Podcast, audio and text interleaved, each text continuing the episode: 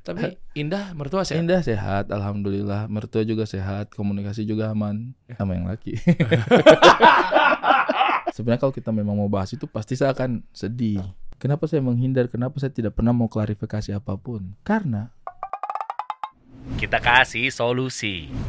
Ari Kritik. Halo. Waduh, ini kawan lama saya halo ini. saudaraku, kawan lama. Gila, kita dulu siaran bareng di satu radio ya. Satu radio, cuman beda sesinya aja. Gua pagi lu sore. Saya sore. Kenapa radio kita tutup ya? Kita Ah, mungkin kualitas diri kita.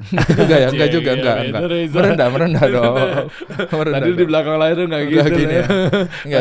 Enggak. Kayaknya kita kita kurang beruntung aja. Kurang Iya, beruntung. iya, Karena iya, iya. kurasa sih kalau saya jujur sih kayaknya semua hal yang sudah kita lakukan dengan sebaik mungkin teman-teman sudah memberikan yang terbaik sih pada masa itu ya. Kita coba datang bawa apa dulu? Kita punya eh, Program. kita punya apa namanya? Misi itu kan radionya anak muda kan. Oh, dulu ya. ya. Membawa radio ini biar dekat sama milenial kan. Iya. Cuma ya eh, mungkin kurang beruntung aja Iya. kali. Nah, ini FYI kita dulu dalam satu radio yang sama, gue siaran pagi, hari siaran sore. yes. Ya, artinya eh, eh, eh, pokoknya gue siaran sama Vincent Rompe, sama Aldi, lu Iya. sama Adit Insomnia sama sorenya. Suli Karina, Ah. habis itu sama Gilang Gombloh juga Ah, sempat. nah. Seru sih kita bahas Seru. dari perjalanannya eh, Ari Kriting sampai akhirnya nanti dia berkarir di dunia radio dulu. Pertama kan banyak yang nggak tahu mungkin kalau lu dulunya penyiar kali ya. Iya, eh semi saya misi penyiarnya juga kan maksudnya eh, saya lebih banyak support aja sih Ar- Adit sama siapa Kasuli aja sebenarnya waktu itu. Iya, ya. Abis itu kan lu jalan-jalan set tiba-tiba lu punya bisnis. Sekarang enak banget ya kalau bisnis lu gandengnya Arya Saloka. Oh langsung pasti terkenal lah. Nggak Saya- bakal rugi lah Saya bisnisnya. paling tidak suka orang-orang orang melihat dari luar. Justru saya datang ke sini kan untuk katanya ini kan kasih solusi. Makanya kan saya di sini cari solusi. Justru gue datengin orang yang bisa kasih solusi ke Ya, mereka. orang saya datang di sini untuk cari solusi. ya udah bubar aja. Thank you ya. Ya, ya, ya. ya. Ya, tapi menurut saya kan solusi kadang-kadang tidak hanya datang dari sebuah kesuksesan. Kadang-kadang solusi itu justru inspirasinya datang dari sebuah kesulitan. Iya dong. Iya, atau mungkin kadang selain kita mendapatkan solusi dari partner, Iya. dapat juga mungkin dari mertua. Iya, Ri, ya? Ya, bah, bagus. Dia di belakang tadi udah bilang, "Lu tenang aja, di sini kita bahas bisnis dan ini." Enggak, enggak bercanda orang gue single dikit doang, gue fokus Iya. sama dia. Gue tuh kan gue bilang, Ri, ah, apaan sih gosip-gosip kayak podcast-podcast yang sebelah gitu Iya. cuma mau nebeng kasus pansos ngundang-ngundang hari lagi viral tentang masalahnya Iya. kita nih ngomonginnya bisnis Siap. Gitu aja tapi Indah mertua sehat Indah sehat, alhamdulillah. Mertua juga sehat, komunikasi juga aman aman ya sama yang laki. Kalau Iya dong. kalau yang mertua perempuan Eh, belum. Oke, oke. Oh, kita nggak usah bahas itu, nggak usah bahas itu. Janji gue bener. Ini lama-lama dia, soalnya ya, saya kalau dia yang nanya kan nggak mungkin saya nggak jawab ya, nggak mungkin saya nggak jawab dong. Enggak, enggak, enggak, udah, udah, enggak, enggak, enggak. Emang kembalikan kepada aslinya audiens saya dong. menunggu kesuksesan Iya Anda. dong. Oh iya dong. Jadi dulu lu ngerantau dari Saya dari Wakatobi. Sulawesi, Wakatobi. ya Saya ke Malang dulu, kuliah di sana, studi eh, sekitar S1 saya ngambil di situ. 12 tahun. di mana sih lu kampusnya? ITN Malang saya dulu. ITN. ITN. Teknik, saya lulusan teknik. Gini. Ah, masa sih? Seri- Gua- lulus gua saya. nggak percaya ya. Sarjana teknik saya. Enggak. Serius. Gue dibohongin nih. Ben- Beneran saya Apa jurusan- teknik apa? Teknik perencanaan wilayah dan kota. Kalau kalau zaman-zaman dulu dirimu masih siaran, penyiar, selengan begitu saya bohongin masih boleh saya. Sekarang saya kalau lihat lihat penampilannya dia kayaknya jangan bohongin orang ini deh. Ntar dosanya saya berlipat ganda nggak ya? Iya, gitu iya, loh. betul, betul, gitu betul. loh kayaknya udah "Eh, jangan bercanda banget dah sama Ya. dia gitu. Enggak lah, gue Oh, juga masih- nyantai Oh, kok. menyantai sekarang. lu mau cerita, lu mau berbagi kisah, lu mau nangis, kayak Abdur boleh. ah, susah saya kalau mau nangis kayak Abdur. Ya, kenapa? Ya kalau saya kan juga memang yang menjadi inspirasi kita kan Nabi Muhammad SAW lah ya. Salam. Benar kalau dengar-dengar kisah pengorbanan beliau bagaimana beliau begitu mengingat umatnya Masya Allah. itu pasti menyentuh hati sekali. Ya, Cuma kan Abdur udah di sini masa saya bahas itu lagi. sama lagi Ya, terus? apa nabi lain kali. Nggak nggak harus. Nggak usah di- Nggak harus nangis karena nggak usah di- sosok Nggak usah nabi. nangis terus dicari-cari kira-kira nabi yang mana yang buat gue bahas ya nggak usah. Nggak usah. Nabi yang lainnya bagus itu ditangisi. Cuma kalau nggak mau nangis juga nggak apa-apa. Iya, yang nggak usah nggak usah kayak Abdur banget ya. di sini. Nggak usah kayak Abdur banget ya. Soalnya, soalnya saya tuh pas diundang ke sini tuh beban gitu kayak, Hah? aduh beban kasih solusi. Saya lihat itu Abdur di situ, aduh inspiratif banget gitu. Hmm. Sementara saya ini kan ya selengean kelakuan saya kayak kayaknya nggak ada yang akan bisa menjadi solusi masyarakat deh gitu. Tapi bisa lah. Lalu buktinya sampai ke sekarang ini kan perjalanannya harus dicontek sama teman-teman. Kira-kira mungkin jangan-jangan ada sesuatu yang bisa gue coba aplikasikan ke kehidupan gue kata mereka. Hmm. Nah itu makanya akhirnya dari Wakatobi lo ke Malang eh, kuliah teknik Hmm. 12 tahun. Kok Iya. Lama banget Ri. Eh, saya tidak masuk pintar. Asli, saya menurut saya orang kalau misalnya kuliah terlalu cepat-cepat itu. Emang paham, emang paham-paham banget gini bos. Maksudku paham gak sih kayak kayak kenapa sih merasa kayak empat tahun cukup? Enggak, ntar dulu deh. Pin, sepintar itu emang gitu. Emang lu aja nong-nong 12 tahun. Enggak, saya sambil kerja bro, saya sambil kerja. Stand up, udah stand up tuh. Belum belum stand up. Jadi saya tuh kuliah ya namanya orang tua juga hidup sederhana di kampung kan. Jadi eh, saya kuliah mungkin sekitar tiga tahun empat tahun itu masih masih benar-benar bergantung lah. Cuman kan setelah itu kan saya juga punya adik-adik juga sudah mulai apa namanya masuk pendidikan dan lain sebagainya. Akhirnya eh, mulai berusaha cari sampingan saya kerja gitu Apa sebagai? eh, saya ngikut project-projectnya teman-teman aja untuk ngukur jalan, bikin project perencanaan kota gitu-gitu. Ke Papua, ke Sumba, ke Kalimantan dulu kerjanya saya ke situ tuh. Itu pranologi bukan sih? Iya, planologi. Iya bener kan ya? Saya planologi dulu. Ah. Jadi saya oke. eh, ngikut-ngikut project-project kayak gitu. Akhirnya eh keenakan, keenakan cari duitnya. Cari duitnya. Akhirnya saya eh, lebih banyak mengerjakan project-project seperti itu. Jadi sebenarnya sih tuntutan untuk cepat menyelesaikan studi juga besar gitu. Cuman Hmm. kayaknya sayanya yang manajemen waktunya waktu itu kurang namanya kita masih anak muda ya. Hmm. Kita merasa kayak ah, udahlah saya sudah bisa biayain sendiri kehidupan saya ini. Cari pengalaman aja dulu, cari pengalaman aja dulu gitu. Hmm, Oke, dan itu pasti sama sekali nggak kepikiran bahwa kayak gue jago ngelucu nih misal. Enggak, enggak, enggak. Nggak ada lah. Kok tiba-tiba kenapa ke stand up?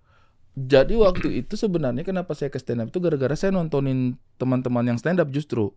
Nah, saya dulu kan tuh sambil kuliah juga sebenarnya dulu sempat gabung di beberapa aliansi lah untuk aktivisme gitu, kayak pemerhati lingkungan, bantu-bantu teman-teman yang yang concern dalam hal seperti itu. Hmm. Eh, karena kebetulan jurusanku juga kan eh, perencanaan PWK ITN Malang itu kan memang concern banget, nggak hanya sekedar edukasi studi gitu, nggak nggak hanya studi aja gitu, tapi kita juga harus peduli dengan eh, lingkungan sosial masyarakatnya kita pada waktu itu. Jadi kita itu mahasiswanya itu emang di diarahkan untuk kayak ngapain kita belajar doang gitu.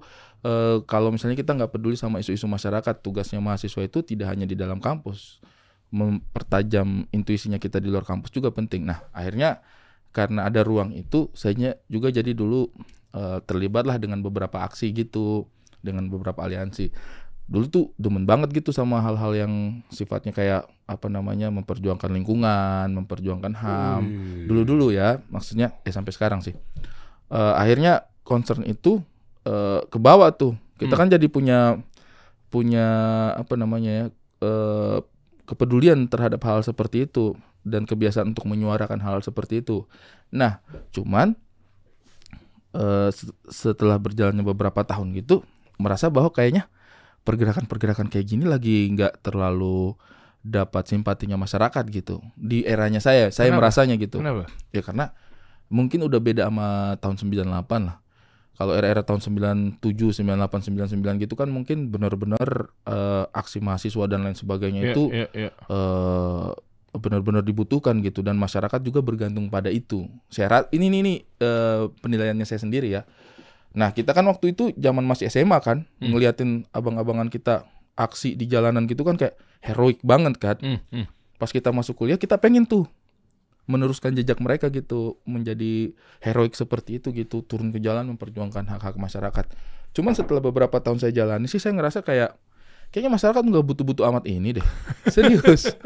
saya merasanya gitu kayak Apa sih demo gitu? demo gitu, turun aksi di jalan tuh kayaknya masyarakat udah nggak butuh-butuh amat gitu. Kayak ah kita kadang-kadang hanya bikin macet jalan. Padahal sebenarnya, Wah, padahal ada sebenarnya yang kita yang kita perjuangkan tuh hal yang benar gitu. Kayak misalnya hutan kota eh, ditukar guling, kemudian hutan kotanya jadi area bisnis. Akhirnya daerah resapannya hilang, kemudian akhirnya sekarang ada masalah banjir, Hmm, ada masalah kemacetan. Itu sudah kita antisipasi sebelumnya gitu sudah kita bayangkan bahwa oh, ini kalau begini akan jadi seperti ini. Cuma kan masyarakat kadang-kadang udah udah bukan itu lagi kebutuhannya gitu. Hmm. Udah kalau misalnya tahun 98 mungkin rezim Orde Baru itu dirasa sebagai keresahan bersama gitu. Hmm. Tetapi eh, semakin berjalannya zaman kayaknya masyarakat udah mulai sibuk sama kebutuhan masing-masingnya gitu. Iya, iya percuma mungkin kalau mau presidennya siapa pun juga kalau gue nggak kerja gue nggak makan iya, gua- juga. iya gitu. itu akhirnya gitu. Kalau Iya, iya, iya, iya. mungkin eranya Soeharto tahun 98 mungkin eh, mau kerja mau enggak nggak makan gitu. Iya, Waktu iya, krisis moneter kan itu yang terjadi. Iya, Sehingga iya. kan keresahannya jadi sama gitu. Ada yang salah nih sama bangsa kita nih. Didobrak sama pergerakan mahasiswa, reformasi eh, masyarakat mendukung gitu. Tapi setelah itu kayaknya saya saya pribadi ya merasa bahwa eh, aksi di jalanan sih udah nggak seheroik itu lagi gitu. Untuk saya pribadinya ya untuk saya pribadinya gitu. Kayak kayaknya pemerintah juga nggak terketuk hatinya. Kemudian masyarakat juga tidak merasa harus ada di sisinya kita juga gitu. Akhirnya saya eh, selama beberapa tahun di masa itu tahun 2008 sampai 2011 itu sudah tidak terlibat lagi dengan aksi-aksi pergerakan kayak gitu. Kayaknya udahlah udah cukup gitu kayaknya untuk saya pribadi gitu kan kayaknya ng- tidak membawa isu itu ke mana-mana juga gitu Hmm, hmm, hmm. Eh, terus akhirnya eh, ketika stand up itu pertama kali muncul, saya nonton lah itu. Kok orang-orang ini bicara hal-hal yang yang penting gitu, bicara hal-hal yang meresahkan gitu kayak Panji Pragiwaksono. Hmm. Kok Ernest bicara tentang isu-isu minoritas, Panji bicara tentang isu-isu kebangsaan. Kemudian eh, Radit, Radit bicara tentang isu-isu jomblo. Eh, Bukan. Iya, jomblo jomblo sih, tapi kan itu ah percintaan, Hmm. hubungan antar anak muda gitu kan. Hmm. Eh, kurasa sih mereka bicara hal-hal yang mengganggu pikirannya gitu kayak kayak kayaknya seru deh ini seru gitu. Ada ada hal yang mengganggu pikirannya saya juga yang mungkin bisa saya sampaikan lewat medium panggung yang seperti ini. Akhirnya saya coba tuh nulis hal-hal yang memang meresahkan saya dulu tapi saya twist.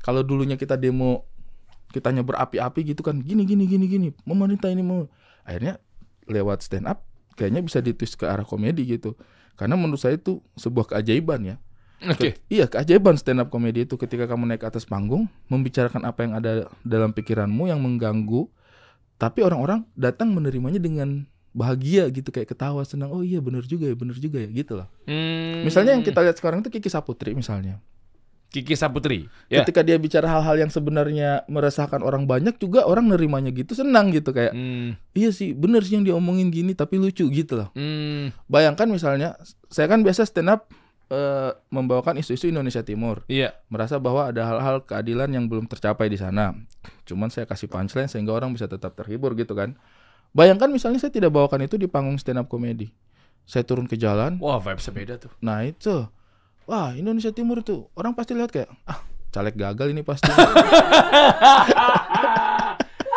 iya kan Iya betul. Iya kan? Jadi menurut saya ada ada keajaiban yang ditawarkan oleh panggung stand up itu. Kita bisa iya. membicarakan hal-hal yang mengganggu sambil kita tetap eh, terhibur menertawakan gitu. Iya. Yang kemudian terpancing untuk concern dengan itu alhamdulillah. Yang ternyata cuma mengambil hiburannya aja ya udah nggak apa-apa juga gitu. Hmm, iya, iya. Artinya juga versi gua nih banyak juga ternyata orang-orang begitu di riset. eh, ya maaf ya, gua harus jujur nih karena mungkin meskipun nggak kualitatif gitu datanya, tapi ya ada juga yang lebih banyaknya malah terganggu mungkin gara-gara macet, Iya iya. mau naik MRT jadi susah. Ha, ha. Ya kan sementara mereka tuh punya kewajiban untuk nafkahin anak-anaknya di rumah. Iya, Kayak gitu-gitu kan Iya, menurutku sekarang udah, ya. iya lebih kompleks dari itu. Aksi turun ke jalan itu sekarang udah lebih kompleks dari itu menurut saya. Udah beda lah dengan aksi-aksi turun ke jalan di era-era sebelumnya. Kalau di era-era sebelumnya itu jelas gitu. Orang ketika aksi turun ke jalan ada yang menjadi Objek. boleh- ada yang menjadi katakanlah amanat penderitaan rakyat misalnya Ah, ah. atau hal-hal yang memang butuh untuk disuarakan dan diselesaikan gitu Mm-mm. yang menjadi perasaan masyarakat umum gitu, general gitu. Kalau sekarang sih mungkin, ya saya tidak menyatakan eh, aksi yang mana aksi yang mana ya. Tapi mungkin eh, udah banyak aksi juga yang sebenarnya ditunggangi juga untuk kepentingan golongan-golongan Oh, iya, tertentu. banyak, banyak. Misalnya gitu. Jadi Iya, kita iya. kayak susah memilah mana nih aksi yang masih eh, murni, mana nih aksi yang udah mulai ditunggangi sama kepentingan orang per orang gitu. Jadi kalau untuk saya pribadi sih eh, aksi sih udah udah tidak terlalu melihat itu sebagai sebuah kebutuhan. Mungkin ada beberapa aksi yang memang masih menjadi perhatiannya saya. Apa tuh? Misalnya kayak aksi kamisan. Aksi kamisan. aksi tuh. kamisan. Nah, aksi Kamisan apa? kamisan ini aksi kamisan ini menurutku sih eh, masih eh, tetap menja- menjaga kredibilitasnya gitu. Apa sih aksi kamisan? Enggak, enggak serius gue enggak tahu. Aksi kamisan itu adalah aksi Setiap hari Kamis. Setiap hari Kamis yang dilakukan oleh eh, beberapa orang ibu-ibu yang anaknya itu menjadi korban kasus 98, korban penembakan di tragedi 98 Semanggi. Oh. eh, dan sebagainya gitu. Termasuk juga untuk memperjuangkan keadilan buat Munir mencari Wiju Tukul nah itu yang masih menjadi menurut saya itu masih pure gitu. Itu aksinya orang-orang rindu orang-orang Ah. kehilangan orang-orang yang merindukan keadilan lah untuk negaranya. Eh, anak-anak mereka diambil dan kemudian hilang untuk memperjuangkan hal-hal baik bagi, bangsa ini gitu Ah. Nah, satu-satunya aksi yang sampai sekarang mungkin masih ada di hatinya saya sih paling sisa aksi kamisan aja gitu. Hmm. Selebihnya itu saya juga udah kayak dihubungi, "Bang, kita ada ini nih, kita ada ini kayak ya udahlah." Maksudnya saya bukannya tidak mau bantu atau apa gitu kayak saya eh, di era yang begitu banyak informasi sekarang ini memilah bahwa tunggangan apa enggak nih? iya tunggangan apa enggak nih, bener apa enggak nih gitu lah. Nah, Apalagi ntar tahun 2024 tuh pasti Udah ada aja. banyak lagi. udah mungkin ya, mungkin gue nggak bilang semua atau mungkin ya sebut saja oknum lah. Ada yang menggunakan satu organisasi untuk kendaraan mereka kan. Benar, benar, benar. Kayak gitu-gitu. Jadi untuk saya pribadi sih juga kayak karena juga pun eh, turun di situ selama beberapa tahun saya coba juga kayak kayaknya juga eh, apa ya kontribusi saya juga kayaknya nggak sebanyak itu deh pada akhirnya terus kayak ya sudahlah mungkin orang lain jauh lebih punya eh, apa kompetensi lah dalam membicarakan ini gitu. Lo paling depan Ri, demo waktu itu. Ya kadang-kadang aja bang kalau misalnya ada yang kalau misalnya ada yang, yang Pak polisi tangkap pak. oh dulu ada pernah satu kali kita aksi di Malang dulu Ngapain di sih? kota Malang aksi karena karena hutan kota kita melihat ada hutan kota itu yang yang eh kan ada kawasan-kawasan tersebut udah diatur dalam perda peruntukannya kan ada yang untuk kawasan pemukiman ada yang untuk Oh, ya. kawasan resapan Iya. ruang terbuka hijau kawasan perdagangan cuma kan kadang-kadang ruang terbuka hijau ini kan posisinya strategis dong kadang-kadang ya Iya. sehingga menjadi incaran lah kapital-kapital ini bahwa wah ini seru nih kalau bangun bisnis di sini nih. Hmm. Tapi kan peruntukannya udah kawasan ruang terbuka hijau. Akhirnya pasti terjadi kong kali kong antara pihak eh, bisnis dengan pemerintah setempat. Inilah yang kemudian kita masuk di tengah-tengah untuk jangan seperti itu. kepentingan lu apa di situ? Keadilan aja. Tapi kan bukan bisnis lu juga, bukan tanah lu juga. Betul memang. Eh, itulah dulu kita merasa kayak itu aksi yang heroik gitu.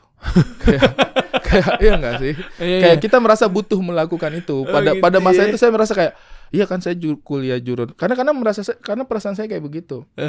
Katakanlah misalnya kita belajar belajar sesuatu ya, belajar Iya. sebuah ilmu. Kita sudah pelajari mendalami gitu dan terikat dengan disiplin tersebut. Tapi kemudian ketika ada yang berseberangan dengan hal yang kita yakini dan kita diam saja, Ah, kepanggil tuh. Iya, kalau menurut saya sih itu hal yang wajar banget eh, ketika misalnya teman-teman mahasiswa di luar sana atau eh, sivitas akademika dalam jurusan apa pun, ketika ada hal yang berseberangan dengan dia, dengan dengan idealismenya mereka gitu, kurasa sih memang Iya, patut cuma juga disuarakan gitu. yang khawatirnya kan ketika malah jadi memancing, memprovokasi, mengujar kebencian, jadinya ujung-ujungnya malah jadi Kita repot sendiri. Iya satu itu dan Ah, iya. kedua malah niatnya pengen memberantas kemudorotan tapi dengan cara kemudorotan misal gitu ya. Misalnya, Akhirnya iya, jadi iya. malah memperkeruh banget gitu. Betul betul. Kita waktu itu aksi itu mm, ribuan mahasiswa yang turun ke jalan untuk mencegah agar ruang terbuka hijau ini tidak dialih fungsikan menjadi eh, ruang perdagangan. Oke, turun ke jalan. Turun ke jalan. Oke. Kita kita kepung. tuh. Pertanyaannya lebih banyak didengar atau sisi positifnya apa malah mengganggu orang yang beraktivitas? Eh, sebenarnya sih kalau mengganggu nggak juga ya. Maksudnya Kan kita di jalan. eh, benar, tapi kan ada izinnya. Ada Oke. izinnya gitu. Kita udah izin dan lain sebagainya gitu. Cuman eh, eh, sebenarnya tidak berhasil juga gitu. Maksudnya ya tetap terus? saja, tetap saja seperti Hmm. itu. Cuman kalau saya sih Eh, nggak tahu ya saya terinspirasi dari kisahnya Nabi Sulaiman. Enggak yang Iya, mana? iya, ma- kalau masuk begini nih, Ya, Abdur saya sudah mulai oke. satu ini, udah mulai masuk pelan-pelan saya nih. Enggak yang mana? yang yang ketika Nabi Sulaiman dibakar, Ah, ya terus? kan?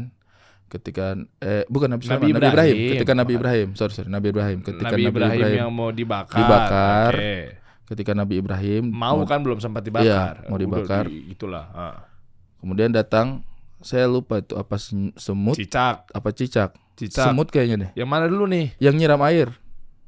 Nyiram air, yang biar ar- apinya Pokoknya yang nyi- Mencuat. bukan yang nyiram setetes air.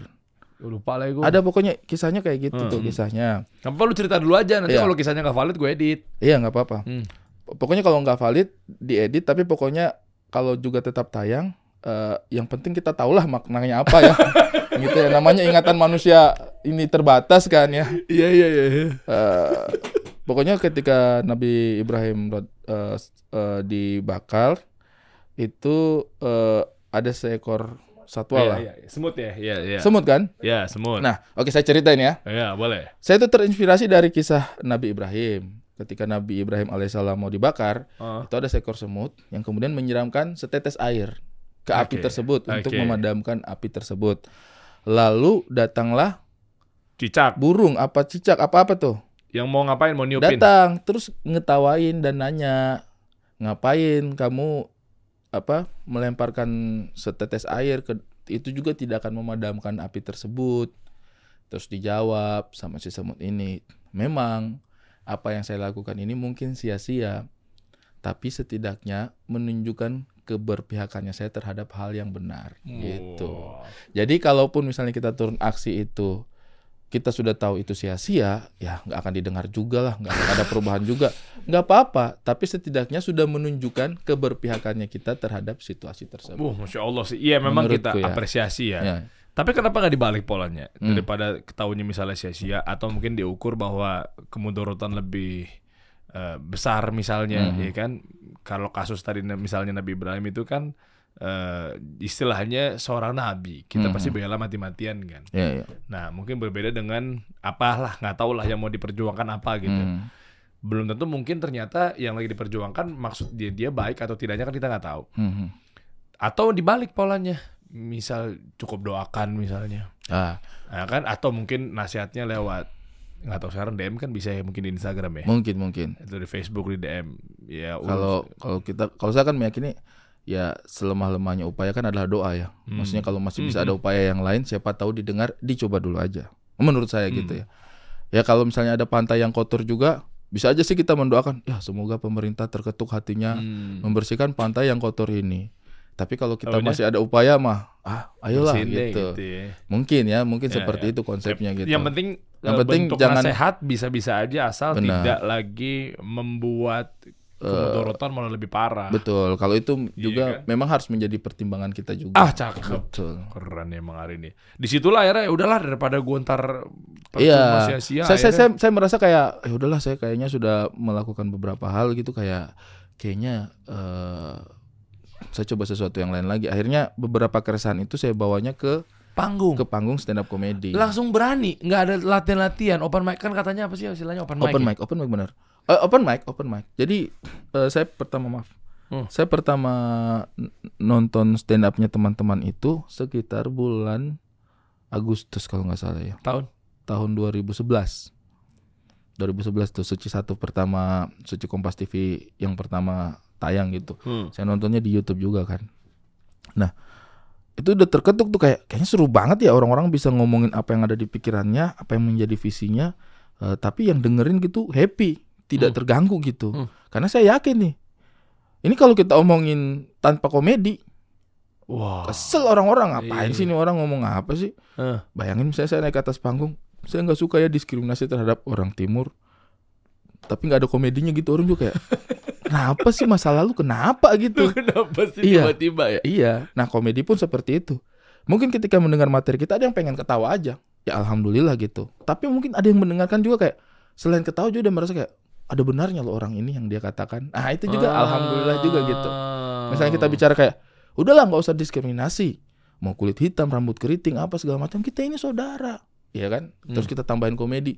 Mungkin habis dia ketawa kayak, iya ya, ah, pulang dia ketemu orang timur udah kayak hey abang hormat gitu Wah. hatinya jadi lebih Iya, light iya, gitu iya. lebih terang itu sih yang aku rasa sih kayaknya komedi menjadi sebuah medium yang cukup ideal untuk eh, menyampaikan keresahan-keresahan lagi gitu Iya, untuk betul saya ya. pribadi ini Iya, ya iya, iya. untuk teman-teman yang masih memperjuangkan hal-hal baik melalui jalannya masing-masing, melalui aksi di jalanan, melalui apa pun juga itu saya support banget gitu. Menurut Hmm. saya ya kayak. Hmm, hmm. Cuman mungkin itu eh, tidak lagi sepenuhnya untuk saya gitu pada pada yang sekarang ini. Iya, karena lo melihat ada sisi lain Iya, yang iya. dirasa mungkin lebih baik. Mhm. Kan artinya meninggalkan sesuatu itu kan potensinya kan mayoritas pasti akan lebih baik. Iya, iya. Ya kalau memang menurut dia baik, kenapa nggak dijalanin? Benar, benar, benar. Ternyata mungkin ada lebih baik. Nah artinya isu-isu tadi juga sama nyambungnya adalah ke Melanesian itu. Iya, Itu lo angkat juga tuh. iya. Melanesian itu menurut saya adalah salah satu ras di Indonesia yang jarang mendapat perhatian gitu.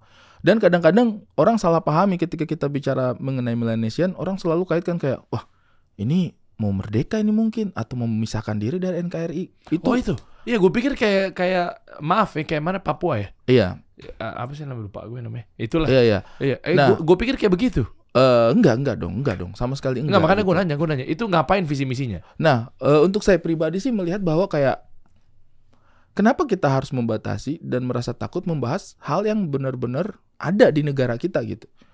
Itu kan identitas yang memang realitanya ada di negara Coba kita. kita ngomong suku atau ras nih. Kita ngomong suku atau ras. Eh, Batak Batak ada, ada. suku Melayu ras Melayu misalnya ada, Bugis. Mongolian ada, eh, Cina ada, Eh. Arab ada, Eh, eh. Kaukasia bahkan ada juga di Indonesia gitu. Orang-orang yang keturunan bule apa segala macam ada gitu. Eh. Segala macam ras ada di Indonesia dan kita kayak tidak perlu merasa takut membicarakan ras itu. Ya enggak? Iya. Di Indonesia ketika orang bilang, "Oh, dia ini orang-orang Arab nih." Santai aja gitu kayak, Iya, "Iya, iya. orang-orang Arab ada di Indonesia gitu." Eh, eh. Dipelajari bagaimana orang-orang Arab bisa sampai di Indonesia dan lain sebagainya gitu. Iya. Orang-orang keturunan Tionghoa, Cina Hmm. bisa sampai ke Indonesia seperti apa gitu. Di mana aja penyebarannya itu eh, bisa kita pel- pelajari dan bicarakan sedemikian rupa. Tapi ketika kita bicara Melanesian, jangankan membicarakan secara dalam Melanesian itu apa, mendengarkannya saja kadang-kadang belum pernah, ya nggak? Iya lagi. Ya kapan terakhir mendengar Melanesian itu apa, di mana penyebarannya siapa aja, identitasnya seperti Ta- apa? Ini sebenarnya apa? Suku atau enggak? Ras. Ras. Ras. Di Di Indonesia, enggak enggak wilayahnya? wilayahnya itu meliputi Papua, Maluku, sebagian NTT dan sebagian kecil Sulawesi. Loh, yang Penyebarannya seperti itu. yang kulit hitam biasa kita Yang temukan. ku, Melanesian itu kan melan melanin itu kan melan artinya hitam gitu. Heeh. Sia itu kan kepulauan. Jadi Iya. Melanesia ini sebenarnya ras yang ras-ras hitam yang menghuni kepulauan-kepulauan di Indonesia gitu. Sebenarnya simpelnya seperti itu. Tapi gue tahu kalau ini adalah orang Ambon, orang Papua gitu gue tahu. Tapi emang sebenarnya ada namanya itu Melanesia. Iya, sebenarnya mereka itu ras Melanesian. Kami ini ras Melanesian sebenarnya. Ah, Oke, cuma Itu. tahunya mereka apa ya? Eh, Orang Ambon, Sukunya orang Papua. aja gitu. Iya. Ah, oke. Nah, Misalnya kalau lah kan kan bisa nyebutnya orang Ambon, orang Papua, iya nggak apa-apa, boleh gitu. Tapi kan kalau mau bilang orang Arab, kan ada juga di Jogja misalnya. Orang Arab ada juga di Kalimantan. Tapi kan kita boleh sebut mereka orang Arab juga gitu. oh paham gue. Iya kan? Tapi kan ketika disebut orang Ambon, begitu ada orang kulit hitam di sini, Iya. eh, iya istilahnya eh, kenapa masih di bawahnya Ambon-Ambon aja Iya, terus iya, gitu iya, ya. gitu. Harusnya orang Melanesian yang ada di Ambon, Betul. orang Melanesian yang ada di Surabaya. Setuju, seperti itu. Ah. Karena sebenarnya itu kekayaannya Indonesia menurut saya. Cuman iya saya nggak tahu latar belakangnya apa sampai tidak pernah mau dibahas gitu. Kayak misalnya ras Melayu deh. Ras Melayu kan adanya di mana coba? Di Sumatera. Sumatera. Kebanyakan kan. Makanya Sumatera Utara rata-rata Melayu. Melayu gitu. misalnya. Ras Melayu adanya di Sumatera. Atau di Malaysia. Iya. Iya. Atau di Singapura masih ada tuh. Oh, Atau di Brunei Darussalam misalnya. Eh. Ini kan ras Melayu nih semuanya nih. Orang-orang Padang, orang-orang Palembang kan boleh dong sangat sangat santai banget orang-orang Riau untuk bilang, "Oh ya kami ras Melayu nih." Iya kan? Ses- Sesantai itu gitu. Ah, kan. Nah, demikian pula sebenarnya ras Melanesian. Ras Melanesian itu adanya di Maluku, sebagian Sulawesi, NTT masih ada juga tuh penyebarannya. Kemudian Papua, Papua Nugini, Iya. Sampai ke Fiji, Vanuatu. Itu semuanya satu ras gitu. Hmm. Nah, itu yang menurut saya sih kayak ya udah nggak apa-apa. Kan ada ras Melanesian yang tinggal di Fiji di luar negeri. Tapi kan ada juga yang tinggal di Indonesia. Ada juga ras Melayu yang tinggal di Malaysia, tapi kan ada juga yang tinggal di Indonesia. Jadi sesederhana itu aja sebenarnya. Hmm. Bukan berarti ras Melanesian yang ada di Papua sebenarnya tidak terikat dengan Indonesia. Wah, menurut saya itu definisi yang keliru ya. Oke. Jadi untuk saya sih eh, tidak apa-apa harusnya kita membicarakan tentang ras Melanesian itu karena ya itu kekayaan bu- budayanya kita gitu peninggalan-peninggalan dan kearifan budaya lokalnya banyak gitu yang harus kita gali gitu dan kita harus umumkan kepada dunia bahwa Indonesia adalah eh, tempat bagi eh, ras Melanesian terbanyak di dunia gitu ras Melanesian itu paling banyak Terbanyak. populasinya ya di Indonesia lah Oke, nah mungkin gini kali Rik. Karena jangan-jangan maaf ya, lu s- sedikit juga gunain kata itu. Kayak lu aja naik panggung aja yang gue denger kami ini orang timur. iya iya Kenapa bilangnya bukan kami ini orang Melanesian? Art- Artinya kan mungkin jangan-jangan kurang publikatif gitu loh maksud gue. Eh, benar sih kita kita memang masih masih tidak terlalu banyak eh, menggunakan definisi itu menurut saya gitu. Ah kenapa? Eh, Kenapa nggak ya mungkin karena kurang terbiasa aja selama bertahun-tahun Oh, tidak ngerti. digali. Ngerti. Sesuatu yang tidak digali, tidak dipergunakan, tidak diperkenalkan gitu. Malah takutnya lebih blunder dalam artian ah, apaan nih? Iya. Jadi eh, yang yang yang mewarisi eh, genetika Melanesian pun kagok untuk menggunakan gitu padahal ya itu identitasnya dia yang akan mendengarkan pun kagok gitu. Ya tiba-tiba saya di sini bilang Oke, kita ini orang-orang Melanesian harus begini. Yang denger juga kayak entar-entar dia maksudnya apa ya, definisinya apa, iya nggak sih? Karena saking nggak pernah digalinya itu menurutku. Ah, iya, itu sih yang yang menurutku sih kayak mungkin memperkenalkan itu juga nggak ada salahnya gitu sehingga untuk saya pribadi sih itu justru akan lebih mudah merekatkan bangsa kita gitu Iya. karena kita merasa bahwa ya ini identitas yang ada di bangsa kita juga Iya bener ya. Ya, iya bener juga sih edukasi penting. Terus juga kayaknya seakan-akan eh, itu jadi no, di nomor sekianin. Iya, iya. Karena kan makanya kan kalau kita bahas mundur dikit teman-teman nih kayak dulu kan ada perang Ambon, Hmm. perang ini kayaknya rasis-rasis dan lain Iya, sebagainya iya, gitu ya. iya iya Ah, yang kayak gitu-gitu. harusnya kita bisa menyelesaikan itu dengan lebih lebih mudah ketika identitasnya jelas nih Itu gitu. maksud gue. dikasih ruang gitu Itu Kayak, oh ini teman-teman di sini gitu sih Hmm. sesederhana itu sebenarnya Iya iya iya. Tapi malah jadinya kita melihat eh, kawan-kawan kita yang di ya ras Melanesian dan Hmm. seterusnya gitu ya. Kok gue melihat bahwa satu identitasnya kuat dan yang Hmm. kedua eh, nggak tahu mungkin dari suaranya nggak tahu apa nih masih nyambung dari stand up Hmm. nih. Kenapa jadinya kayak gue nggak tahu subjektif sih. Eh, Kayak lucunya malah jadi lebih bertambah gitu gara-gara ada Hmm. itu logat ya. Apa perawakan? Iya. Apa sih? jadi sebenarnya mungkin Uniknya gitu loh. Iya, ada ada ibaratnya kesamaan kebudayaan mungkin ya. Ada ada Ah. ada benang merahnya ya. Eh, eh. Mungkin eh, beda daerah udah mulai banyak percampuran tuh. Misalnya kayak yang di Sulawesi mungkin udah sedikit eh, bercampur dengan kebudayaan yang lain. Yang di Ambon mungkin udah bercampur juga dengan kebudayaan yang lain, yang di Maluku, yang di NTT juga demikian. Yang di Papua mungkin justru agak sedikit lebih kental gitu. Hmm. Lebih maksudnya lebih spesifik banget, khas banget mereka Hmm, gitu. Eh, cuman di antara berbagai daerah ini menurutku masih tetap ada benang merahnya gitu. Cara-caranya kita bersikap, istilah-istilah yang kita gunakan.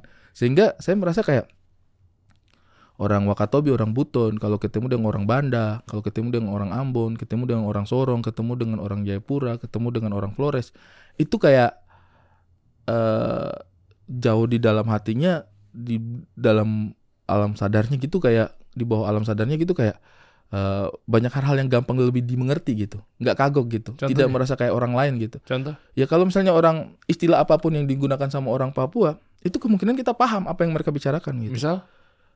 Misalnya nih, eh, Ini bahasa daerah pada perilaku khusus nih. Kalau bahasa daerah ya wajar lah pada paham. Kan lu pada ngerti bahasa daerahnya. bahasa daerah di sana ada 300 lebih, Bung. Emang Dan iya? itu semua beda-beda. Di kampungnya saya aja itu ada sekitar 12 bahasa daerah yang tidak sama satu tidak sama antar satu bahasa dengan yang bahasa yang lain. Kalau kayak bahasa Jawa nih, Jawa Tengah, Jawa Timur mungkin masih bisa nangkap nih. Ah, ah. Nah, kalau di sana bahasa daerahnya orang Ambon sama bahasa daerahnya orang Papua itu udah 100% berbeda itu. Kalau Oh, bicara bahasa ya, jauh banget. Berarti apa dong?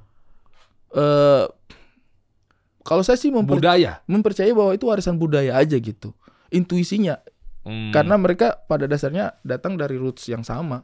Sehingga ketika mereka bertemu mereka bisa mengenali satu sama lain eh, dengan Meskip- sendirinya Oke, gitu. Maaf, meskipun dia kulit putih. Gua nggak maksud untuk banding-bandingin ya. Kan ada juga katanya yang Ambon, Meskipun dia Putih. kulit putih. iya dong. Ya, meskipun Ketahuan. meskipun karena Jadi bukan kebiasaannya kan gara-gara warna kulit. bukan hanya sekedar warna kulit. Bukan hanya sekedar warna Kuat kulit. juga ternyata ya. Kalian intuitif banget ya. kalau saya merasanya seperti itu karena terbuktinya juga seperti itu maksudnya eh, orang-orang dari eh, eh, berbagai wilayah ini ketika bertemu sama sesama dari wilayah itu udah nggak ngerasa kayak ah beda nih satu sama lain gitu.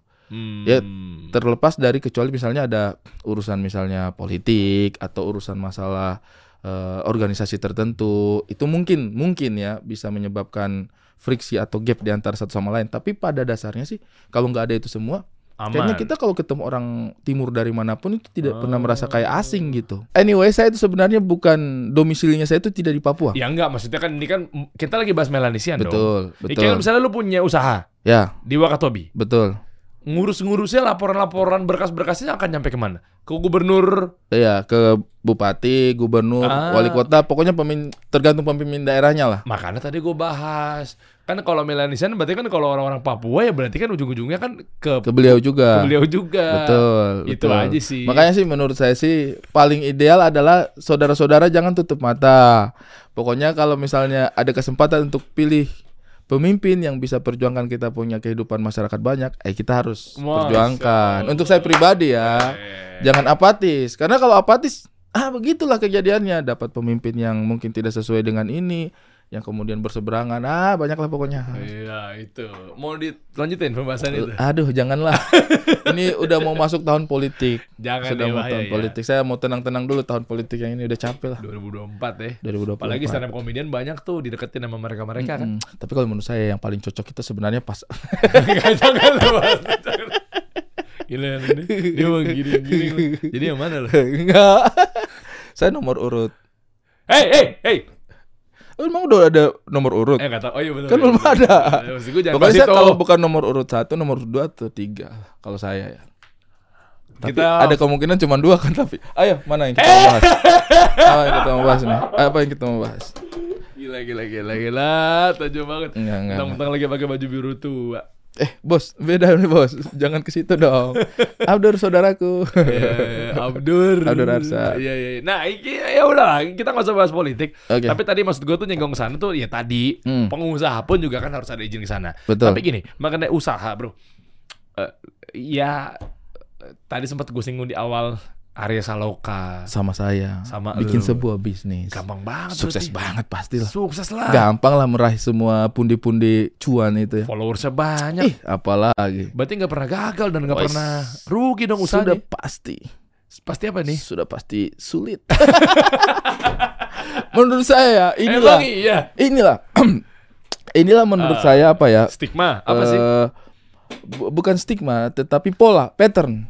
Pattern yang sekarang eh, lagi banyak dicoba gitu. Mengawinkan antara bisnis dengan popularitas. Ini pattern yang yang yang sedang yang sedang banyak dicoba gitu. Nyatanya Dan apa? dan menurut saya sih boleh. Ini pasti saling membutuhkan sama sekali. Apalagi sekarang kan dunianya dunia digital ya. Iya. Marketing dan lain sebagainya itu boleh gitu untuk menggunakan eh, toko-toko yang cukup populer. Tapi tidak sesederhana itu. Menurut saya tidak sesederhana itu. Kenapa? Bisnis itu eh, harus kuat di pondasinya dulu. Untuk saya pribadi ya. Jangan sampai kita bikin bisnis hanya modal popularitas. Untuk saya pribadi. Oke, tapi nyatanya pedagang-pedagang di Tanah Abang, Hmm. mereka merasa terganggu ya nggak semuanya ya. Dengan kehadiran lulu pada ini nih katanya kan, wah yang live artis. Kita Ah, kan bukan itu- artis. Nah kalau itu saya setuju sama mereka tuh. Nah, kenapa? Ya maksudnya eh untuk Kan lu artis khusus juga. khusus yang itu ya khusus yang itu. Tapi kan saya nggak live untuk jualan sesuatu sampai saat ini. Nggak tahu ya kalau ada kebutuhan. Mau larang-larang saya cari nafkah. Bagaimana? tarik lagi kata-katanya dia. Gue tahu nih. Takutnya lu bisa jadi lu dapet peluang Iya di kan? situ saya kan. nggak tahu kan.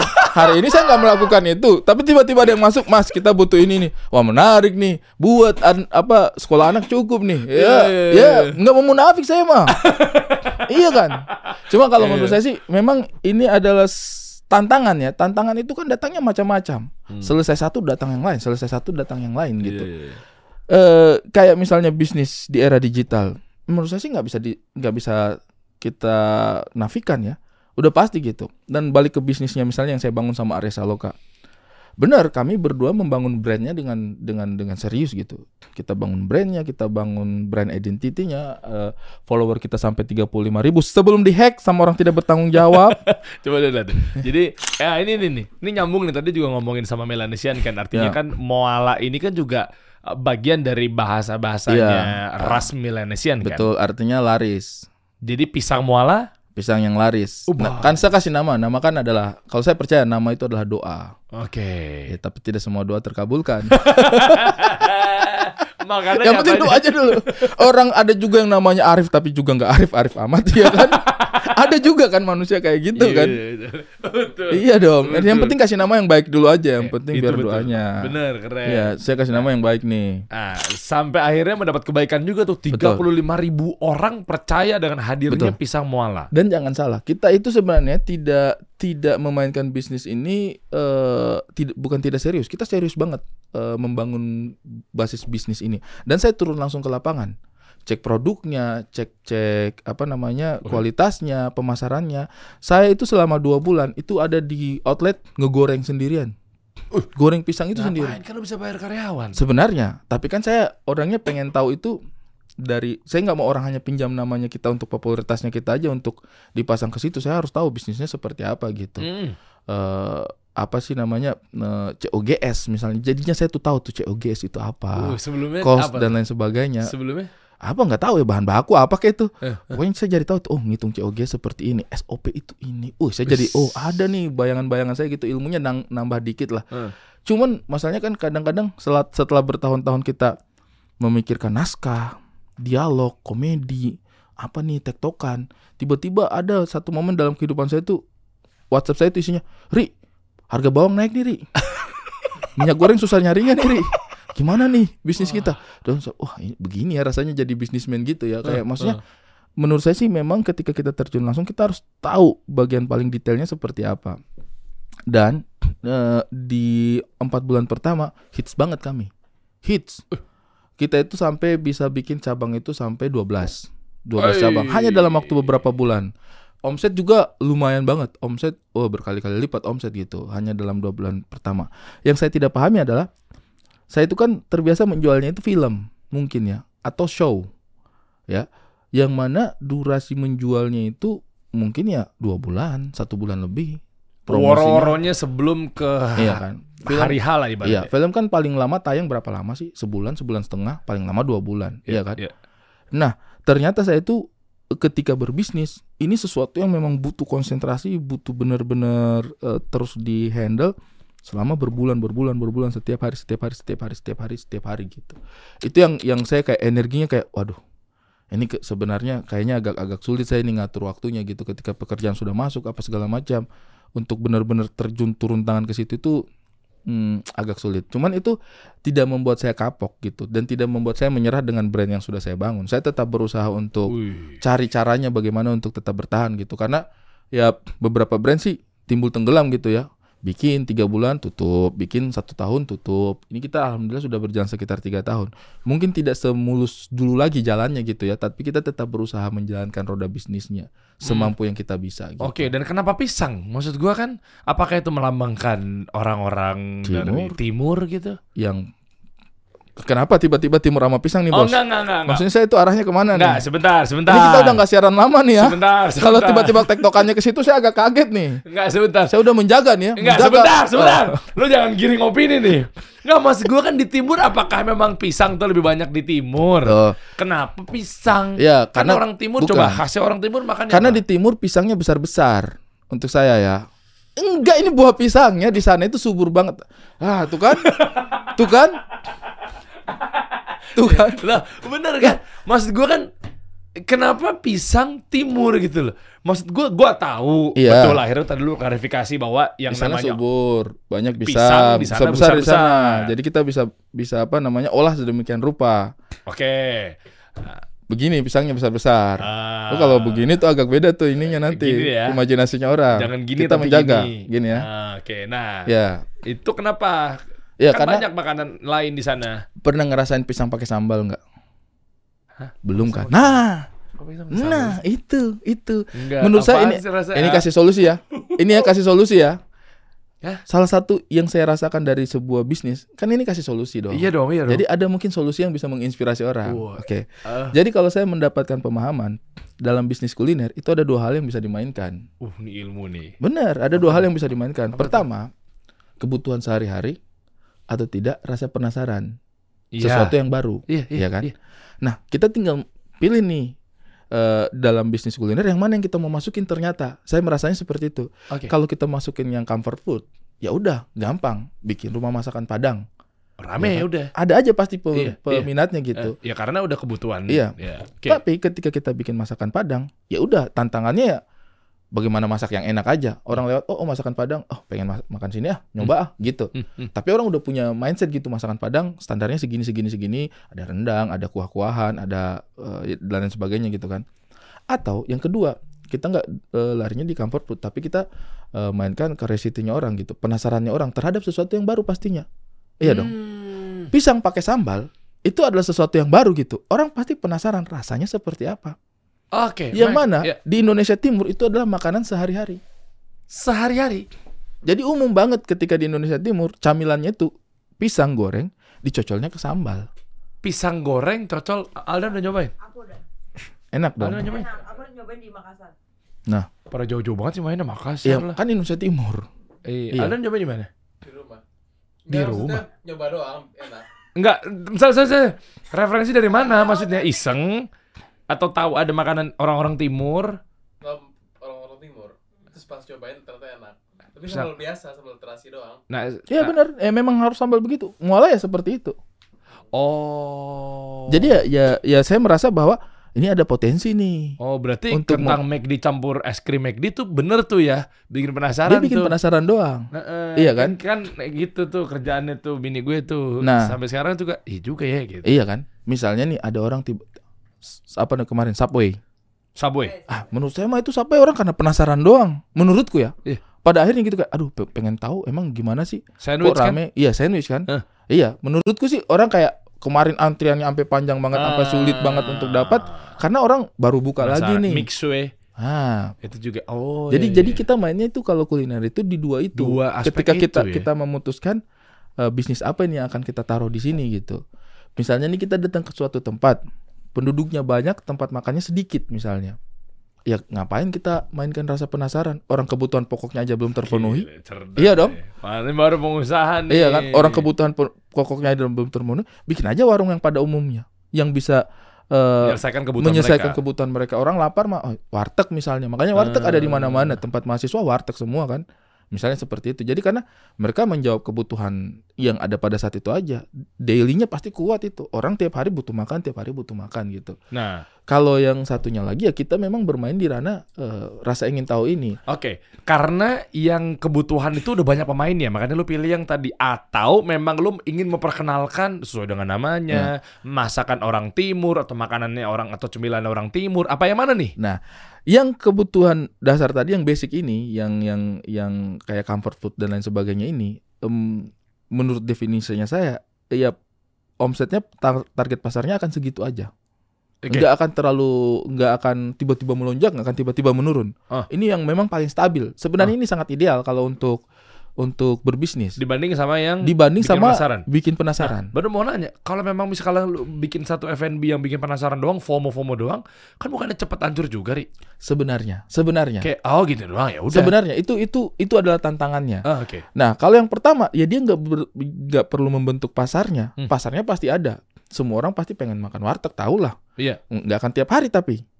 Semua orang pasti akan makan eh, nasi padang, nggak Hmm. akan tiap hari tapi. Tapi akan ada orang, akan ada konsumennya. Itulah kenapa dia lebih stabil gitu. Hmm.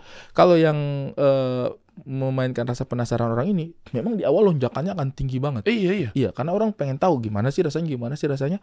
PR berikutnya adalah membentuk habitnya. Nah, kalau ngomongin habit atau perilaku kan pasti butuh duit ekstra. Betul. Itu yang itu yang yang sulit ternyata untuk dilakukan. Ah, Saya tuh kemarin percaya bahwa habit ini bisa dibentuk di Jakarta. Karena saya percaya habit ini terjadi di Indonesia Timur. Orang belum tahu aja betapa enaknya pisang goreng ketemu sama sambal. Orang belum tahu aja. Karena itu menurutku itu iya gue sekarang jadi penasaran. top top top ranknya pisang goreng. Pisang goreng ketemu coklat, pisang goreng ketemu keju itu putus sama pisang goreng ketemu sambal, Bos. Yakin. iya, yakin saya. Gue jadi penasaran nih. Saya kasih Eh, tahu. dong jam 12 siang dong. Pisang goreng kalau ketemu dengan coklat, ketemu dengan keju, makan empat biji bisa tidak? Belum tentu. Enak kita. Mana Begak sih emang. Ketemu pisang goreng dengan sambal, nonton tak tak tak tak satu piring besar itu bisa hilang tiba-tiba. "Ih, mana saya punya pisang goreng? kan lu makan sendiri. Iya. Kapan nanya? Orang habis makan sendiri. Maksudnya nggak enak gitu. Oh, iya, iya, iya, iya. Nggak begah. Makanya itu loh. Oh, kayak apa sih? Gue jadi aduh. Tuh, coba mah- turun sedikit. beneran, coba coba. coba. Tuh. Nah, ini, itu. ini pisang gorengnya. Iya, pisang Mana gorengnya. sambelnya? Sambalnya turun lagi, turun lagi. Mana sambelnya? Turun lagi. Gila. Eh, ini kan Instagram yang lo udah kehack kan? Iya, nggak apa-apa. Ini teman-teman pindah nanti ke yang official ya. Iya. Ini ini kesian loh. Ini orang-orang gak bertanggung jawab nih dihack sama yang jualan handphone kan, Ah, giveaway. Bener. Ini teman-teman saya nih yang bikin. Saya apa namanya? eh, Mana coba? Eh, apa sih staff gitu? Iya, partneran gitu. Hmm. Sama Rangga Wurjanto, dia yang ininya forestry juga. Sama Pak Oh. Maruf, sama Arya Saloka juga gitu. Oh iya iya iya iya. Nah, kita Oke. bikin sama-sama nih. Eh, Sebenarnya sih eh permasalahanku bukan di penurunan kualitas atau apa. Eh, kesulitan mem- membangun titik yang banyak. Untuk untuk camilan yang seperti ini, PR-nya itu sebenarnya adalah titik, perbanyak titik. Kenapa? Karena alasannya tadi orang belum begitu mengenal. Bukan. Waktu saya pertama buka, saya punya konsumen tuh Cengkareng. Pesan sampai ke Jagakarsa sana. Cibubur. Eh, Pesan ke Jagakarsa. Mohon maaf, mahalan ongkos ya. Benar, itu dia. Mereka penasaran, pengen tahu rasanya. Pas suka, masa dia mau bayar ongkos setiap hari? Eh, oke. Ya lu buka aja open franchise. nggak sanggup. Saya punya mekanisme ternyata nggak sesolid itu untuk bikin itu. Dari marketingnya, dari apa Q- quality controlnya, kisinya itu tidak segampang itu untuk membangun bisnis franchise. Untuk saya pribadi ya kayak kayaknya nggak jangan kita terlalu hijau deh untuk bikin bangun franchise. Pada akhirnya saya sudah coba bangun bisnis franchise. Kita buka sekitar berapa biji gitu. Tapi untuk kisi ke sana itu agak-agak repot sehingga kadang-kadang titiknya udah ada konsumennya eh Nggak komplain misalnya gitu Komplain. atau nggak kok nggak seenak yang di Jagakarsa Oh beda-beda. Be- bisa beda-beda gitu karena memang belum belum formulanya itu masih belum pakem gitu ini kan dia fresh food banget kan Iya pisang sih. goreng kan nggak bisa kayak Iya, iya. awet-awetan gitu nggak bisa Ya jangan kan itu kopi aja kadang yang punya cabangnya banyak juga beda-beda tuh. ya itu dia apalagi pisang pisang mah beda kota aja udah beda Oh, be- kualitas ah, pisangnya gitu besarannya beda tingkat Tanah. kematangannya beda Tanah ya. Bener. Kalau misalnya di tempatnya saya yang di Jagakarsa kan saya datang ngecek, oh ini pisangnya segini. Waktu itu kan, sama- waktu waktu benar-benar kita eh concern sekali itu kan, itu pisangnya kita ini kematangan ini udah eh jangan dipakai lagi. Oh ini masih matang, eh masih mentah nih, jangan yang sementah ini gitu. Tingkat kematangannya itu kita benar-benar concern. Cuman kan kita nggak bisa ngecek itu ke semua tempat kan. Hmm. Apa namanya? Hmm, QC. QC kemudian knowledge antara satu sama lain itu masih belum seragam gitu. Solusi gimana? Maksudnya apa kalau hire orang manajer operasional? Bener, kita hire manager operasional bisa, tetapi menopang UMKM seperti ini dengan tim yang terlalu gemuk, itu juga tantangan tersendiri. Kita butuh ini, kita butuh ini, kita butuh ini. Ketika kita hire, Ah, dalam satu bulan, dua bulan, tiga bulan kita masih bisa operasional jaga nih. iya beban naik ya. Tapi di bulan kelima keenam, kalau misalnya kita tidak berhasil menjual franchise secara masif, nah sulit nih untuk bisa mempertahankan tim yang yang Iya, yang iya, gemuk iya, ini iya, gitu. Itu yang kemudian menjadi tantangan besar gitu. Kalau kita mau besar sih menurutku ya memang mau nggak mau modalnya harus kencang. Iya, iya. Mau nggak mau itu Investor. investor harus ada masuk gitu. Kalau sekarang misalnya gue coba waro-warokan ngelihat bisnis yang seksi dan ber- berpeluang tinggi ini, mungkin bisa nggak kalau teman-teman mau Boleh jadi kita investor? boleh banget, boleh banget karena Hmm. kalau saya sih percaya eh bisnis ini masih punya Iya. masih punya nyawa, masih punya masa depan. Permasalahannya adalah saya tidak punya kemampuan untuk membuat titik yang masif lagi gitu. Hmm, saya hmm. saya nggak punya nggak punya nggak punya apa namanya source-nya gitu untuk bikin titik yang masif gitu. Tapi untuk tempatnya saya yang di Jagakarsa dengan yang di Semper itu masih ada dua tuh kami tuh masih Hmm. masih apa namanya jalan banget itu yang di Jagakarsa sama yang di Semper Jakarta Utara tuh. Ini masih masih solid banget karena kayaknya yang di Semper juga teman-teman yang ngolah di sana juga itu concern banget gitu. Hmm. Paham gitu kayak oh ininya segini. Knowledge-nya cukup sama tuh dengan yang di Jagakarsa gitu. Ah, Jadi apa namanya konsumennya eh, terpuaskan, konsumennya kejaga gitu trustnya. Nah kayak yang di tempat lain mungkin mungkin mungkin ya itu kelemahannya dari kami juga ya untuk tidak bisa ngirim QC setiap saat gitu loh. Oke. Ya itu yang yang yang aku rasa sih kayak oh ternyata energinya ini tidak sesederhana itu gitu. Cuma kan udah setengah jalan, Ri. Maksud gua kan nggak mungkin lo tiba-tiba kayak sudahi saja gitu, enggak kan? Dan solusinya berarti dalam artian ngurangin karyawan kah? Iya. ng- Ngurangin cabang kah? Biar eh, fokus pada akhirnya dulu? kita kurangin kur- kurangin kar- karyawan pada akhirnya. Perampingan sih mau nggak mau kita harus lakukan gitu. Dari berapa ke berapa? Eh, lumayan sih itu teman teman-teman yang ngatur sih kadang-kadang diserap ke sektor yang lain juga ke ke bisnis kan saya kan partneran sama Rangga juga. Jadi kadang-kadang udah deh karyawan yang ini ke bisnisnya saya yang lain aja. Nanti sambil diperbantukan kalau tiba-tiba dibutuhkan bisa masuk lagi. Jadi sebenarnya perampingannya juga eh ada yang memang betul-betul mau nggak mau. Aduh, itu berat banget cuy. Iya sih bisnis. Ketika saya setahun pertama jalan sama beberapa orang gitu kan terus ada satu momen di mana saya harus kayak teman-teman maaf ya saya sudah nggak bisa bayar kalian. Aduh itu Wah. sedih banget sih ketika kita kita dalam sebuah bisnis karena karena ini kebanyakan saya itu nggak bisa butuh orang sebanyak ini lagi gitu. Kayak padahal di awal-awal itu kan kita optimis banget kan kayak oh ini cukup nih segini nih. Cuman ternyata memang ada Iya. hal-hal yang belum nyampe gitu sayanya yang belum nyampe gitu. Ini juga sih yang menjadi menurut saya sih menjadi pertimbangan besar ya jadi bos itu sebenarnya jadi pemimpin jadi leader dalam sebuah unit bisnis itu sebenarnya bukan berarti kita di kerja untuk eh, kita eh, mempekerjakan orang. Sebenarnya bukan sih. Tapi? Menurut saya sih memang mindsetnya adalah kita kerja untuk orang-orang itu. Jadi justru kita itu sebenarnya mereka kerja untuk perusahaan untuk bisnis yang kita bangun tapi kita kerja untuk semua orang yang kerja ini. Gimana caranya memperhatikan mereka agar benar bagaimana nih saya bisa dapat mereka. investor bagaimana saya bisa kembangkan Hmm. marketingnya bagaimana biar ini orang-orang tetap ada di sini gitu Uh, Karena ketika misalnya kita nggak punya energinya untuk itu, resikonya akan ke bawahnya sulit.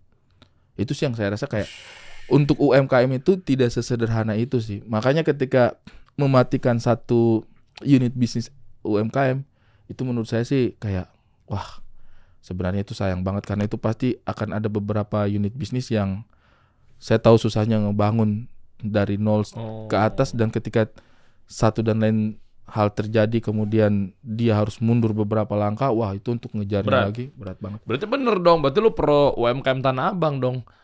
Yang Hmm. kan enggak justru saya sebaliknya lah kenapa?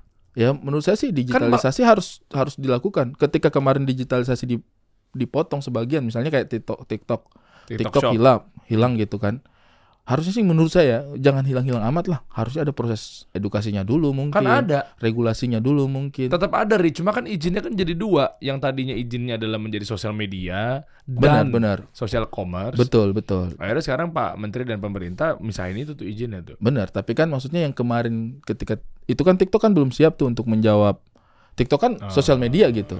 Tapi kan udah terlanjur banyak transaksi pem- pembelian di Betul, situ, udah terlanjur banyak gateway. udah udah terlalu banyak yang terbiasa jualannya lewat situ. Iya istilahnya closingnya bayarnya lewat platform yang sama, platform yang nggak sama. harus mental ke toko oren, toko hijau wawa Benar. gitu Nah, kan. ketika itu di tiba-tiba di cut, saya rasa sih itu pasti ada ada banyak pelaku bisnisnya yang kewalahan gitu. Pasti dampaknya pasti cukup signifikan itu. Untuk saya pribadi yang merasa kayaknya itu pasti signifikan. sih. Kenapa dia nggak nggak ngejar gitu dari segi knowledge, edukasi untuk menerima perubahan satu dan kedua mungkin gimana cara yang ngakalinnya tetap bisa jualan, mungkin dia belajar public speaking, mungkin belajar marketing. Menurut lu gimana?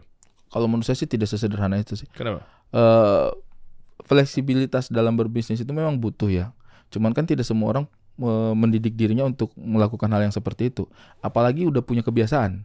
Misalnya ini untuk teman-teman yang di Tanah Abang, tidak sesederhana itu sih untuk minta mereka untuk digitalisasi dong, masuk dong, apa segala macam. Tidak sesederhana itu. Tapi kan dia nggak upgrade sama dia upgrade kan teknologi tetap jalan. Benar, benar, Iya benar. kan? Makanya ini teman-teman harus harus menemukan solusi lain untuk itu. Permasalahannya itu bukan bukan teknologi, kemudian mereka harus mengikuti teknologi. Kayaknya ya, kalau untuk saya pribadi ya, Harusnya ikut pelatihan dulu. itu ikut entah ikut pelatihan dulu atau misalnya digabungkan dalam satu eh, unit lain yang digitalnya mereka diurusin sama orang lain misalnya gitu ya karena kan saya saya, saya sih eh, merasa bahwa belum tentu nih semua orang punya punya kemauan punya kemampuan ya kan Hmm. ada punya kemauan am- sama punya kemampuan dia belum tentu punya dua hal ini untuk masuk ke dalam bentuk bisnis yang digital gitu. Mau tapi bisa jadi dia nggak mampu. dia nggak mampu. Dia mampu, "Bu, tapi- ya." biasanya ah, aduh gimana nih caranya? gitu. Iya, iya, aduh nggak nggak deh nggak deh. Ya eh, harus punya dua-duanya ini menurutku ya kemauan dan kemampuan. Nah masalahnya kan ini kita tidak bisa ciptakan begitu saja nggak bisa. Simsalabim oh ayo dong mau mau. Hmm. mampu mampu nih nggak bisa gitu.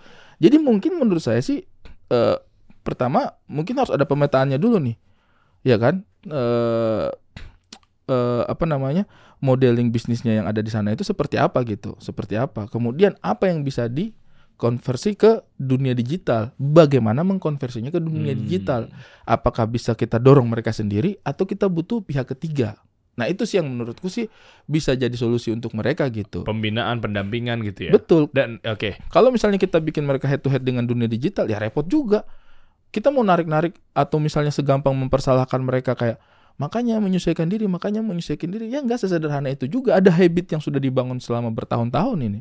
paham. Cuma kan maksud gua kan perubahan ini yang dimaksud adalah eh, banyak juga yang terbantungkan dengan eh, eh, era digital. Sekarang berapa banyak sih orang-orang yang pasar toko offline apa segala macam ketimbang yang memang ternyata ketika dia rasakan manfaatnya di digital, belajar yang benar ternyata malah lebih masif gitu, lebih gede. Lu aja mungkin penjualan paling gede di mana? Digital. Nah, iya kan? Benar, benar. Nah, artinya menurut saya sih pilihannya bukan mem- me- memperseterukan antara digital atau yang non digital nih atau yang yang manual nih katakanlah manual ya Hmm. yang digital atau yang manual menurut saya sih opsinya bukan itu atau se- sederhana menggiring semua ya paksa mereka untuk jadi digital yang nggak sesederhana itu menurutku ya ada kan pemetaan dulu lah bagaimana tuh transaksi di sana modelnya seperti apa cakupan pasarnya mereka seperti apa. Kemudian baru dilihat kebutuhan digitalnya seperti apa nih. Perlu disupport apa perlu enggak? disupport apa enggak nih? Kalau mau disupport eh, supportnya modelnya seperti apa? Enggak enggak enggak enggak tiba-tiba kita kasih edukasi digital orang diajari digital juga belum tentu ya belum tentu bisa bisa menyentuh pasarnya dia gitu. Misalnya pen- penjualnya kita sudah paksa digital tapi sebenarnya tipikal konsumennya dia yang nggak mau ke digital juga kan bisa jadi seperti itu gitu. Kayak misalnya saya punya paman-paman yang dari Papua. Ada beberapa pamannya saya yang dari Buton itu mereka jualan di Papua. Itu datang belanjanya ke Tanah Abang pasti ke Tanah Abang. Eh, iya, memang ke situ. nah pasti ke Tanah Abang. Lalu bawa balik. bawa balik sana. Nah ini kan ada habit yang yang yang uniknya mereka gitu khasnya mereka gitu. Tapi mungkin eh, di antara konsumen-konsumennya mereka tidak semua sudah tidak banyak yang melakukan hal seperti ini gitu Oke, tapi kan ala- eh, ya alhamdulillah sih apa eh, pemerintah juga jadi akhirnya nutup kan untuk membantu eh ya agar offline juga masih bisa berkembang. benar-benar Nah. Nah, maksudku yang offline offline ini kan ini sekarang kan ada tuntutan lebih lagi. Tutup lagi ini dong, tutup lagi ini dong. Iya. Karena menurutku kita itu masih tetap sibuk memperdebatkan digital melawan mereka gitu. Oh, ngerti gue. Jadinya maksud lu tuh gini, dengan narasi ini kan mencuat ke permukaan, Iya. sehingga mindset dia tuh selalunya Tarik-tarikannya adalah mana yang mau dimatiin nih? Mau matiin digital atau matiin yang manual Iya, gitu. iya. Padahal sebenarnya Padahal sebenarnya nggak nggak- perlu lu ada di situ. Nggak perlu harus mematikan satu sama lain. Oke. Menurutku gitu. oke. Dan tapi membawa yang manual ke digital juga tidak segampang itu. Caranya Tidak segampang itu versi lo misalnya, yang tadi ya. Yang tadi menurutku sih harus ada pemetaan dulu. Baik itu yang offline yang misalkan dia mau berkembang atau mungkin di sini jangan-jangan uh, misal, Misal. jangan-jangan nggak harus tiba-tiba go digital semua. Iya. Tapi permasalahannya mungkin tadi ya eh, kayak kemarin gue baru ngobrol sama Pak Menteri eh, misalnya dari segi regulasi harga Betul. yang dari impor Betul. eh, apa dari Cina misalnya ke sini seperti apa Iya. gitu ya. Iya, tapi kan untuk mengetahui itu kan harus ada pemetaannya dulu. Hmm. Ini jualannya dari mana nih? Dapatnya bahan bakunya, ya kan? Pasarnya ke arah mana nih dia? Nah, selama itu belum ada sih, ya debatnya akan itu-itu aja.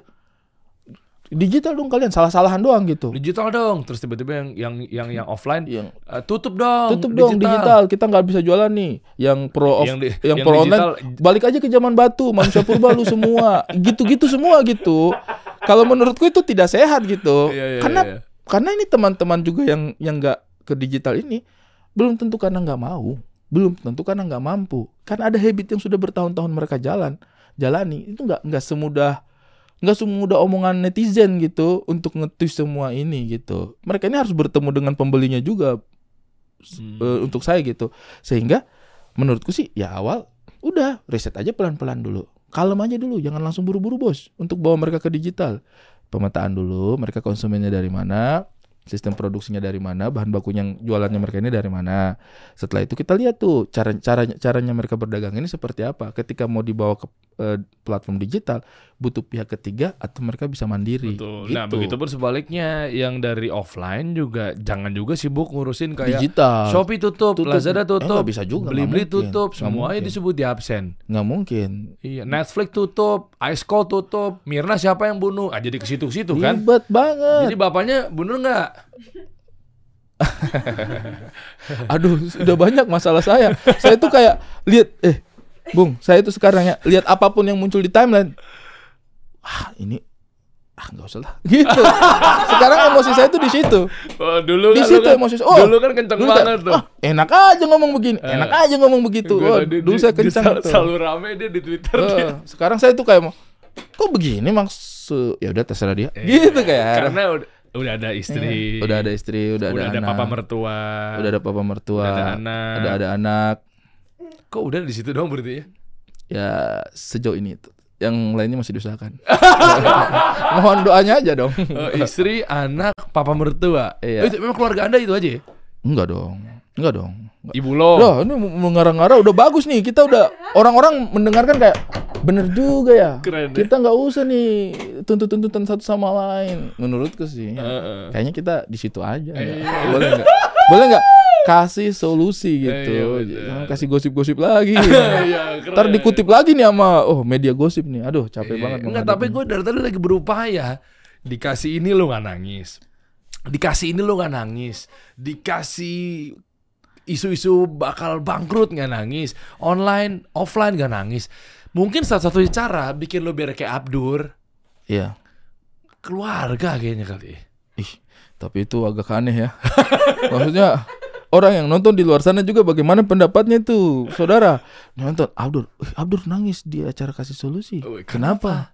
Iya karena dia lagi bahas Nabi Muhammad SAW. Masya Allah.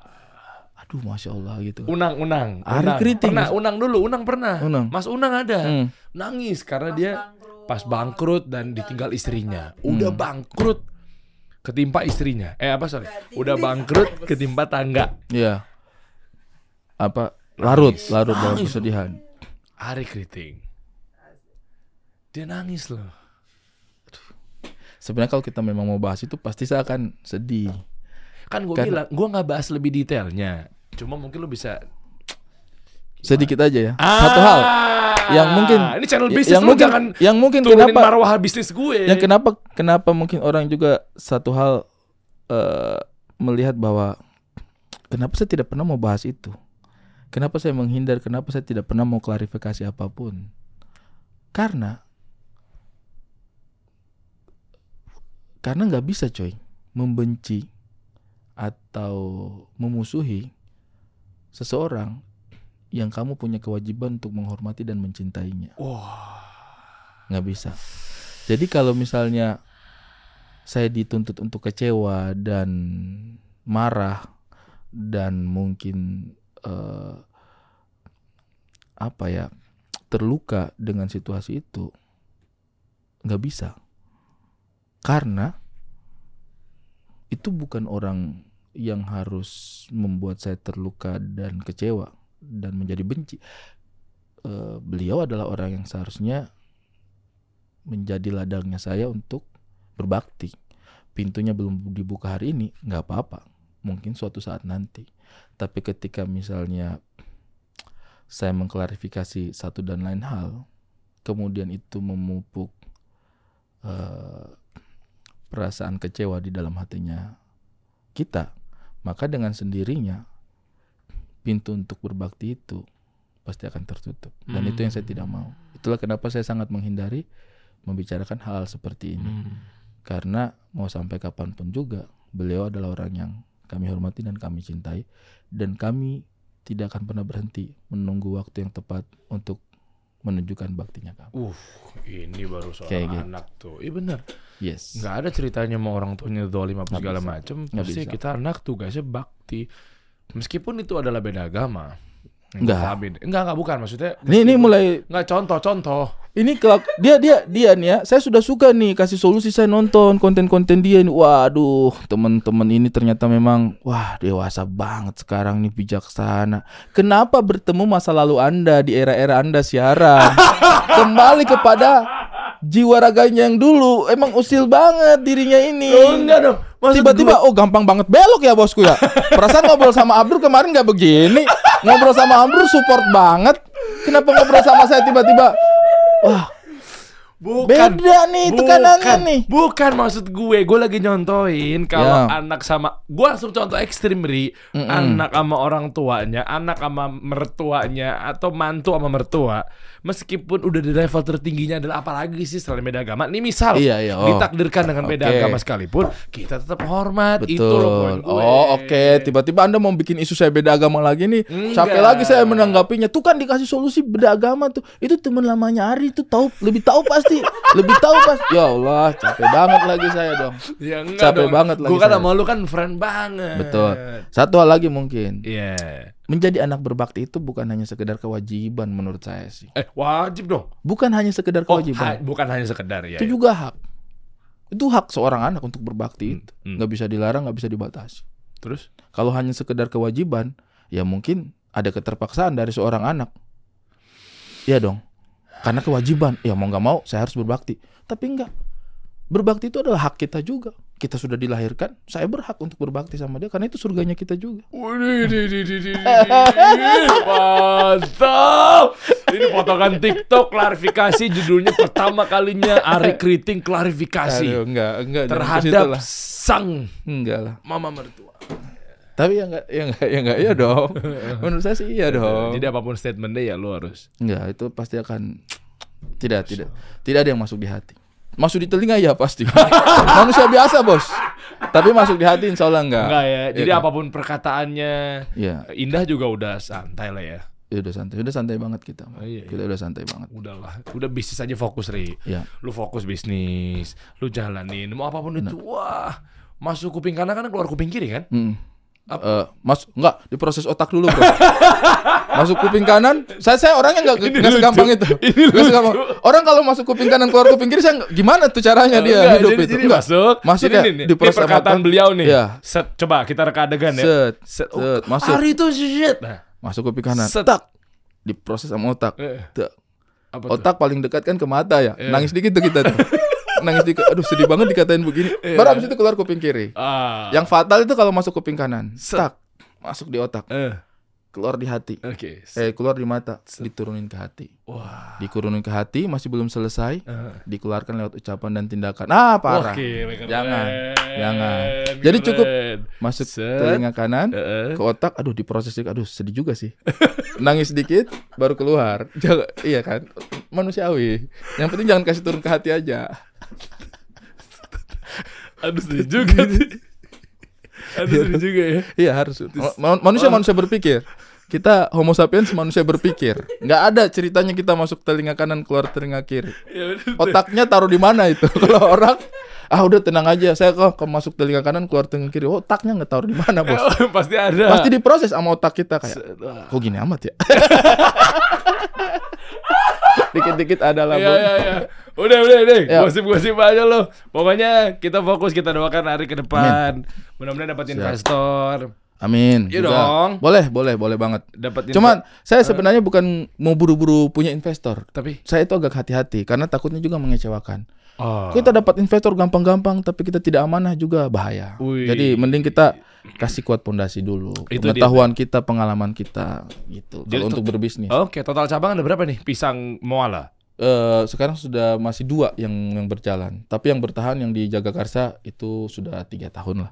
Itu yang Hmm. yang maksudnya untuk saya sih jadi pilot pilot projectnya banget gitu kayak Iya. ini harus saya tahu nih semua selaknya gitu. Ber- Kalau untuk iya, saya. gitu. berarti memang nanti terdekat adalah si si perbanyak cabang itu ya dengan Iya. eh, kapital yang Solus- kuat ya. solusi solusinya memang itu kalau misalnya ada investor yang memang punya visi dan misi yang sama yang melihat bahwa oke produk ini bisa kita coba nih Wih. bisa kita dengan kemasannya dengan brandingannya bisa kita perluas nah PR-nya sebenarnya adalah titik pak bapak kalau mau invest di sini mohon maaf nih bapak mau nggak nih buka di sini bukan di sini bukan di sini bukan di sini bukan di sini gitu sebenarnya Butuh berapa emang nih? Bisa lah nanti kita dealikan gampang lah kalau untuk sesama teman Berapa persen? Kan lumayan loh. Misalnya nggak apa-apa lu sebut aja berapa.